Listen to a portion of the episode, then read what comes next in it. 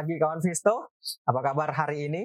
Semoga tetap diberikan kesehatan dan konsisten cuan ya tentunya. Baik, kita jumpa lagi di awal pekan ini dan seperti biasa sebelum kita membahas tentang ide-ide trading, ada baiknya kita review dulu pergerakan IHSG di perdagangan akhir pekan kemarin atau di hari Jumat kemarin. Ya, indeksnya kemarin ditutup melemah, berada di level 6923. Sebenarnya melemah tipis, kalau poinnya hanya minus 1.4 poin, 1,4 poin gitu ya. Kalau secara persentase dia melemahnya 0,02 persen. Dan memang sih di awal perdagangan indeksnya sudah bergerak uh, melemah gitu ya atau mengalami tekanan jual. Tetapi itu tidak berlangsung lama, hanya ya setengah jam di awal perdagangan. Kemudian muncul uh, dorongan beli gitu ya. Dan itu bertahan sampai dengan uh, apa akhir sesi pertama. Jadi di awal perdagangan sesi pertama dia melemah, kemudian mampu uh, ada dorongan beli gitu ya dan bertahan sampai dengan akhir sesi pertama. Jadi praktis sebenarnya di sesi pertama itu meskipun berada di teritori negatif, dia sebenarnya mengalami sideways atau konsolidasi gitu ya. Dan kemudian uh, di sesi kedua, di sesi kedua awal perdagangan itu kembali melakukan konsolidasi tapi tidak bertahan lama hanya kurang lebih 15 sampai dengan 30 menit gitu ya. Dan muncul dorongan beli yang mampu membawa indeks akhirnya melemah terbatas yaitu berada di uh, minus satu poin tadi itu gitu ya. Artinya secara keseluruhan pergerakan IHSG di perdagangan akhir pekan kemarin sebenarnya fluktuatif cenderung menguat terbatas gitu. Oke, kemudian saham-saham apa saja sih yang uh, membawa indeks melemah. Yang pertama ada Bank BRI, kemudian ada Bian, ada Mega, ada Arto, lalu ada ICBP. Itu dia lima besar saham yang membawa indeks melemah. Sementara lima besar saham yang mencoba untuk menghambat atau yang menghambat laju pelemahan indeks, yang pertama ada Telkom, kemudian ada Bank BNI, lalu ada BEPS, ada BCA, dan terakhir ada United Tractors. Itu dia lima besar saham yang membawa atau menghambat laju pelemahan indeks. Bagaimana dengan transaksi asing? Ya, asing di akhir pekan kemarin mencatatkan net sell sebanyak 73 bio. Ya, ini sedikit sih. Kalau dirinci di pasar reguler sendiri asingnya mencatatkan net sell sebanyak 49 bio. Hanya saja memang di non reguler asingnya juga mencatatkan net sell sebanyak 24 bio. Sehingga kalau di total semuanya uh, net sell menjadi 73 bio. Sedikit, sedikit gitu ya. Dari net sell itu saham-saham apa saja sih yang banyak dijual oleh asing? Yang pertama ada Bank BRI, kemudian ada Bank BCA, lalu ada MPPA, kemudian ada ICBP, dan terakhir ada Unilever. Itu dia lima besar saham yang uh, banyak dijual oleh asing. Sementara uh, sebaliknya Saham-saham yang banyak dibeli oleh asing yang pertama ada Telkom, kemudian ada Bank BNI, lalu ada Adaro Energi, kemudian ada Antam, dan terakhir ada PTBA. Itu dia lima besar saham yang banyak dibeli oleh uh, asing. Bagaimana dengan outlook hari ini? Ya, kalau melihat uh, pergerakan indeks di perdagangan uh, akhir pekan kemarin, sebagaimana tadi saya sampaikan bahwa memang sempat bergerak melemah indeksnya, hanya saja kemudian uh, mampu muncul dorongan beli yang itu sampai bertahan di akhir uh, sesi sehingga membuat indeks melemah terbatas gitu ya. Dari dorongan beli ini uh, bisa dibilang, coba saya besarkan dulu. Ini dia. White closing white closing Marubozu yang terbentuk ini ini kan menunjukkan dorongan beli yang cukup uh, relatif stabil lah gitu ya. Saya pikir ini memberikan peluang untuk melanjutkan uh, penguatan atau bergerak menguat. Jadi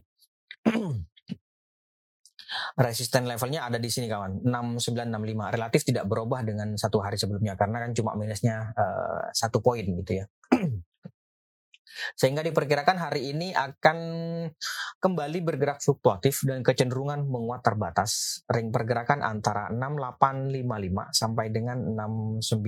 Eh, Kurang lebih di sinilah kawan itu. Kalau melihat ini apa namanya stokastik ini kan memang berada di wilayah netral tapi dia cenderung uh, bergerak menguat. Saya pikir masih ada peluang untuk melanjutkan penguatannya. Itu untuk IASG-nya. Kemudian ide trading yang pertama ada sebentar. PTPP. Oke, ini dia PTPP. Saya pikir cukup menarik nih untuk diperhatikan PTPP mungkin ya. Kemarin dia mampu ditutup menguat dan tampaknya dia bergerak melewati MA 200 yang ada di sini dan juga resistance level yang ada di sini nih. 1065. Jadi kalau uh, apa namanya melihat ini cukup menarik tetapi yang perlu diwaspadai adalah terbentuknya long white candle di sini, long white closing Marubozu gitu ya. Ada dua sehingga ada dua nih uh, yang bisa dipertimbangkan untuk strategi hari ini. Yang pertama adalah trading buy. Kalau mau trading buy, saya pikir bisa di 1065 sampai dengan 1090, saya pikir bisa di level-level itu. Nanti target take profitnya di berapa? 1130 di sini sampai dengan 1165. Kalau targetnya sih 1185 1200-an ini. Tapi saya pikir uh, 1165 sih harusnya cukup sih untuk apa namanya uh, trading jangka pendek gitu ya. Kemudian itu yang pertama. Yang kedua adalah bisa saja juga buy on weakness. Kalau mau buy on weakness ya di bawah 1060. Uh, 1030 sampai dengan 1060 saya pikir coba di level-level itu gitu ya. Tapi saya pikir trading buy pun sebenarnya sudah boleh. Nanti stop lossnya kalau harga melemah di bawah 1030.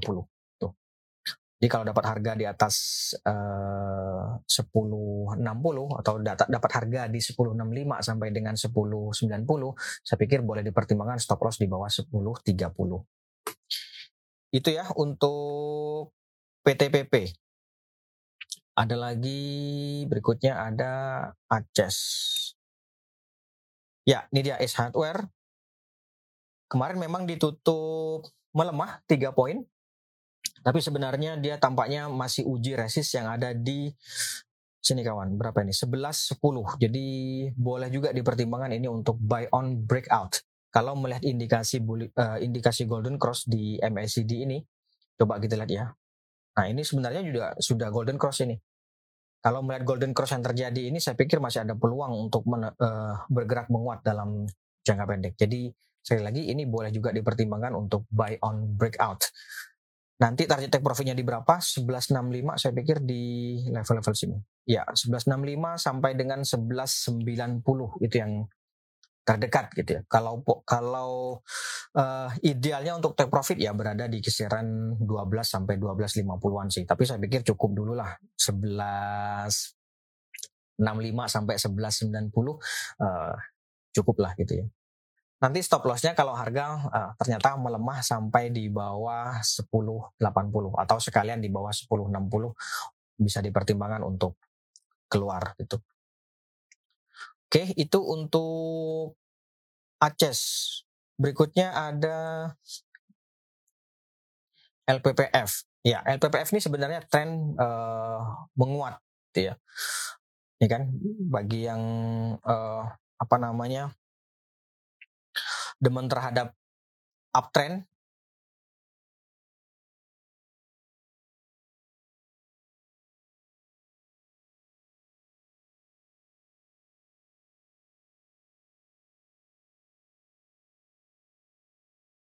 Ya ini dia sebenarnya masih uptrend. Sebenarnya masih uptrend. Berarti ada tapinya dong gitu. Tapi memang harga sudah uh, harga memang sudah berada di apa namanya berada di level atas. Jadi kalaupun masuk tadi 4.800 di di level-level itulah. Kalau support terdekatnya ya di sini kawan.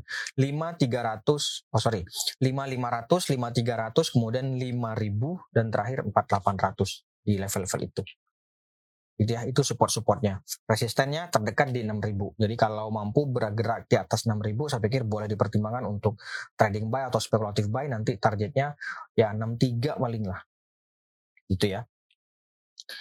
Karena dia konsolidasi di atas nih. Konsolidasi di atas itu bisa dibilang ada yang bilang itu adalah distribusi ada yang bilang uh, ya konsolidasi ya macam-macam lah. Ya kurang lebih gitulah. Oke itu untuk LPPF. Ada lagi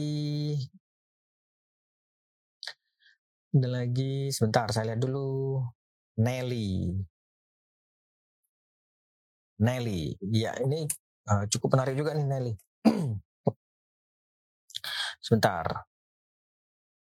Ya, kemarin dia mampu YouTube menguat bergerak di atas 308. Saya pikir bisa juga ini trading buy.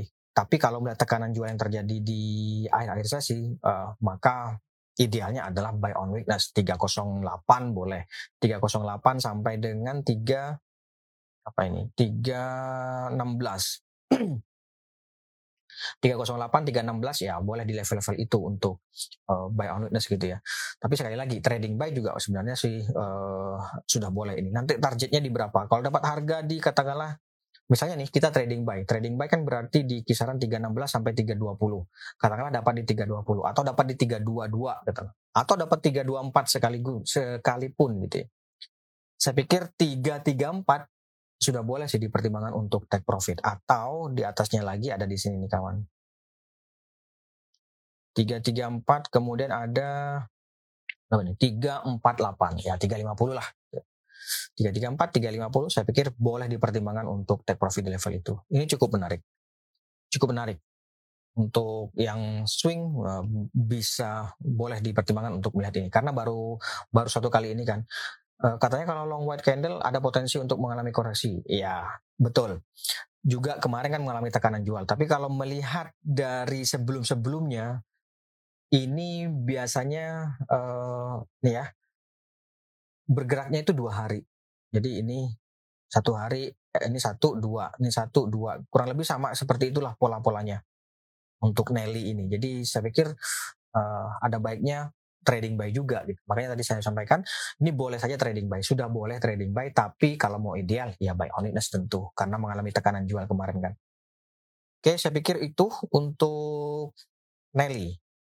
Boleh nih di watch. Masuk watchlist. Ada lagi BBHI. Oke, kita lihat BBHI dulu ya. BBHI. Ya, BBHI selama beberapa hari terakhir ini dia tampaknya mengalami eh, pelemahan atau tekanan uh, apa namanya tekanan jual. Memang sih kalau melihat stokastik di sini kan ada peluang untuk uh, bergerak rebound, tapi masalahnya adalah sampai dengan saat ini ternyata dia belum mampu untuk balik di atas 5000. Jadi menurut saya kalaupun tertarik, kalaupun tertarik mending di atas 5000 aja atau bahkan di atas 5250. Gitu. Kalau untuk saat ini untuk saat ini uh, dari sini masih kurang menarik sih menurut saya. Ada baiknya ya itu tadi boleh buy on weakness di 4440-an atau 4450-an di situ ya itu cukup ideal. Tapi kalau misalnya harga bergerak menguat di atas 5000 itu juga uh, bisa dipertimbangkan juga untuk spekulatif buy. Nanti targetnya di berapa? Kalau dapat harga 2000 saya pikir 5250, 5500 itu harusnya sih uh, cukup. Cukup nggak sih? Untung lah yang jelas gitu ya. Oke, itu untuk BBHI. Kita lihat lagi, ada lagi nggak? uh, Telkom. Oke, ini dia Telkom. Ya, Telkom sebenarnya trennya masih menguat. Uh, beberapa hari terakhir atau seminggu terakhir dia mengalami konsolidasi. Jadi saya pikir kalau mau ideal ini adalah buy on weakness di 4500 400 4500 di level-level itu. Yang jelas resistance level terdekatnya itu di 4650 kalau mau trading buy kan sudah kurang uh, uh, kurang apa ya kurang worth atau kurang kurang layak lah gitu ya. Uh, keuntungannya sedikit banget. Di atasnya ada ini sebentar 4700 kemarin 4590 resistennya 4700 masih layak nggak? Kalau masih layak ya bisa saja dipertimbangkan untuk trading buy gitu ya. Itu untuk short termnya. Coba kita lihat bagaimana untuk short to mediumnya. Ya short to mediumnya kurang lebih sama. Dia idealnya adalah buy on weakness boleh di sini nih empat empat ratusan. Ya di empat empat ratusan di level-level itu gitu ya. Tapi uh, masih uptrend, tentu masih uptrend. Itu untuk short to medium. Untuk long termnya ya udah untuk long term buy aja. Ini kan uptrend. Iya. Kalau untuk long term, long term itu udah atas tahun, dua tahun gitu ya. ya udah untuk buy aja kalau view-nya di atas itu. Oke, itu untuk uh, Telkom. Lagi ada lagi multipolar. Ya, multipolar kemarin mampu ditutup menguat dan tampaknya bergerak mencoba untuk melewati resistance level yang ada di 232. Kemarin yang closing 234. Apakah sudah breakout? Uh, menurut saya sih belum. Kita lihat hari ini. Apakah confirm hari ini bertahan setidaknya di atas 23 setidaknya di atas berapa ini? Sebentar. 226. Gitu ya. Kalau di atas 226 kan ada peluang dia untuk melanjutkan penguatan strateginya seperti apa? Menurut saya ada spekulatif uh, trading buy juga boleh sebenarnya atau buy on weakness boleh 226 sampai dengan 234 di level-level itu. Stop lossnya nanti kalau harga melemah di bawah 210 atau di bawah 216 deh. di bawah di bawah 216 boleh dipertimbangkan untuk keluar. Kalau trading buy trading buy bisa 230 sampai 234 di level-level itu. Ya, nanti targetnya di sini kawan, yaitu 254 atau 256 ya di level-level itulah. Ini kan uji EMA 50-nya 254. Itu ya untuk multipolar. Uh, kalau view-nya short to medium, ya kita lihat view-nya short to medium. Spekulatif buy. Untuk short to medium dia spekulatif buy. Oke, itu untuk multipolar. Kita lanjut. Ada lagi Wood. Oke, wood. Kita coba lihat wood. Ya, wood cukup menarik nih untuk wood ya. Kemarin eh, setelah mengalami pelemahan beberapa hari terakhir atau sepekan terakhir lebih dari sepekan terakhir kemarin dia mampu ditutup menguat tampaknya mencoba untuk menghentikan laju pelemahan yang ada jadi saya pikir ya kan mencoba untuk bertahan di atas 685 juga jadi boleh saja ini spekulatif buy atau trading buy bisa 700 sampai 710 nanti target take profitnya 730 harusnya sih cukup. Oke kalau dapat apalagi dapat harga 700 dapat harga 700 jual 730 ya itu cukup sih mestinya cukup. Kemudian kalau di atas 730 Ya kalau mau cukup ideal berarti ya di kisaran sini kawan berapa ini? 775 ya 730, 775. 730 sih kalau dapat harga 700 atau 710 sekalipun, 730 sih harusnya cukup. Oke, yang jelas untung lah. Kita lanjut. Ada mesin.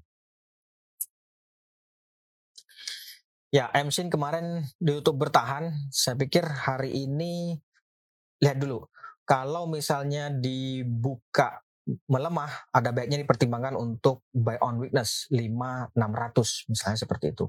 Atau kalau hari ini dibuka menguat trading buy tapi resistnya di sini kawan.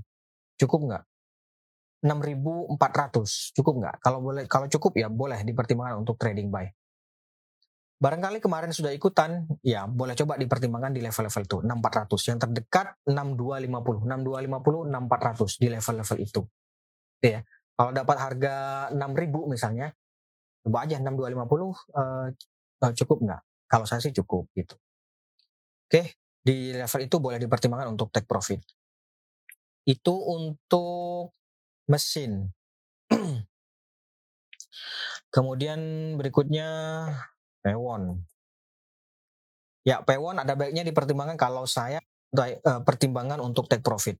Karena nih, kan sudah cukup sih harusnya ya nggak sih kalau kemarin ikutan uh, setelah breakout di sini saya pikir hari ini sudah bisa dipertimbangkan untuk take profit kalau idealnya ya jualan di sini 535 itu cukup ideal. Jadi 535, 520 boleh coba dipertimbangkan take profit di level-level itu. Itu untuk pewon. Untuk short term short to mediumnya gimana? Ya kurang lebih sama kurang lebih sama. Jadi bisa dipertimbangkan untuk take profit dulu. Oke, itu untuk pewon. Berikutnya ada lagi waskita. WSKT. Nah, ini dia waskita. Waskita saya pikir boleh juga dipertimbangkan buy on breakout di atas 615. Ini kan resist cukup kuat di sini yaitu 615. Kalau melihat golden cross ada peluang sih memang untuk uh, bergerak menguat. Jadi sebenarnya bisa saja untuk spekulatif buy kan kalau seperti itu. Oke, okay, betul.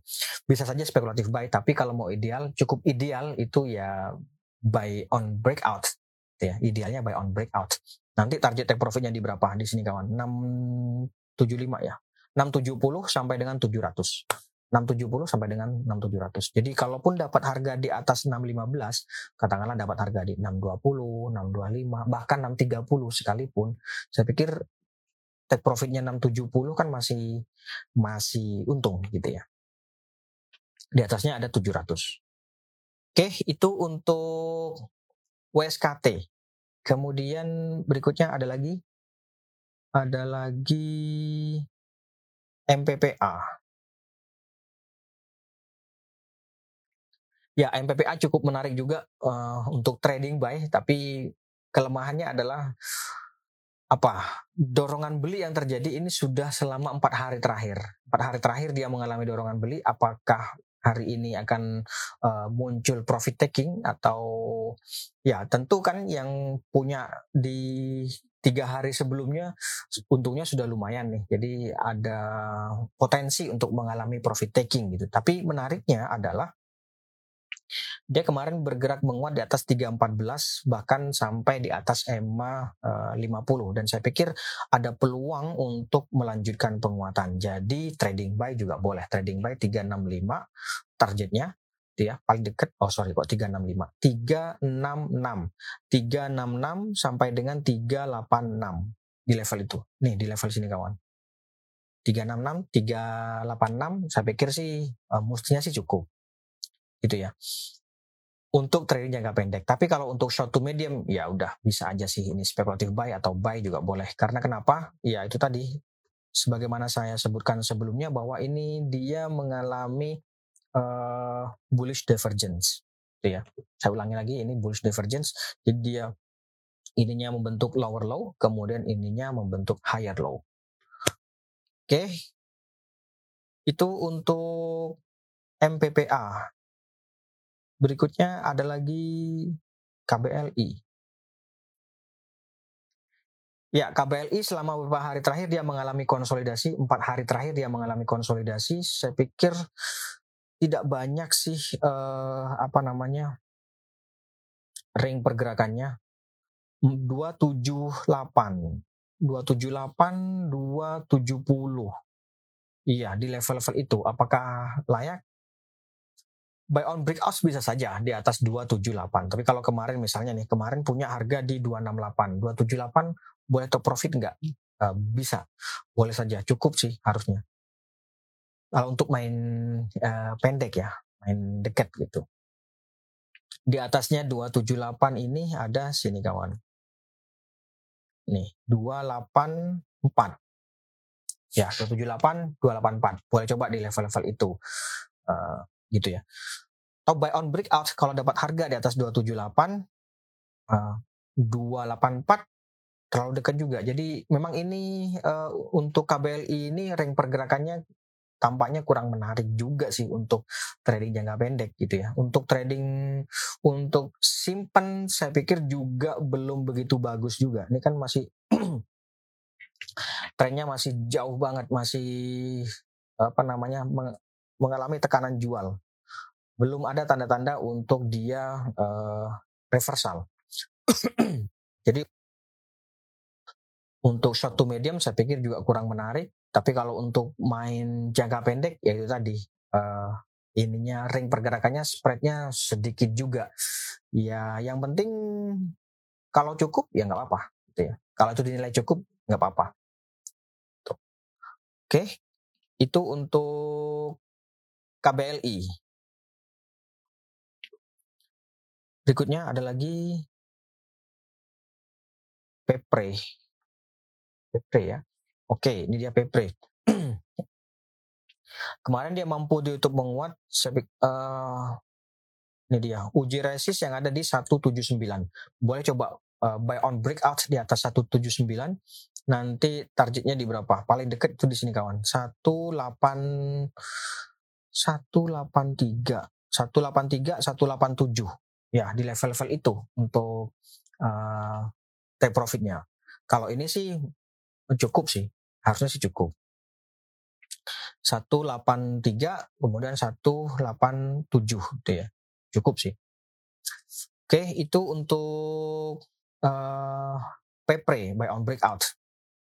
Kalau kemarin sudah punya, kalau kemarin sudah punya, misalkan sudah ikutan gitu, saya pikir uh, boleh coba dipertimbangkan 179 ini sebagai trailing stop.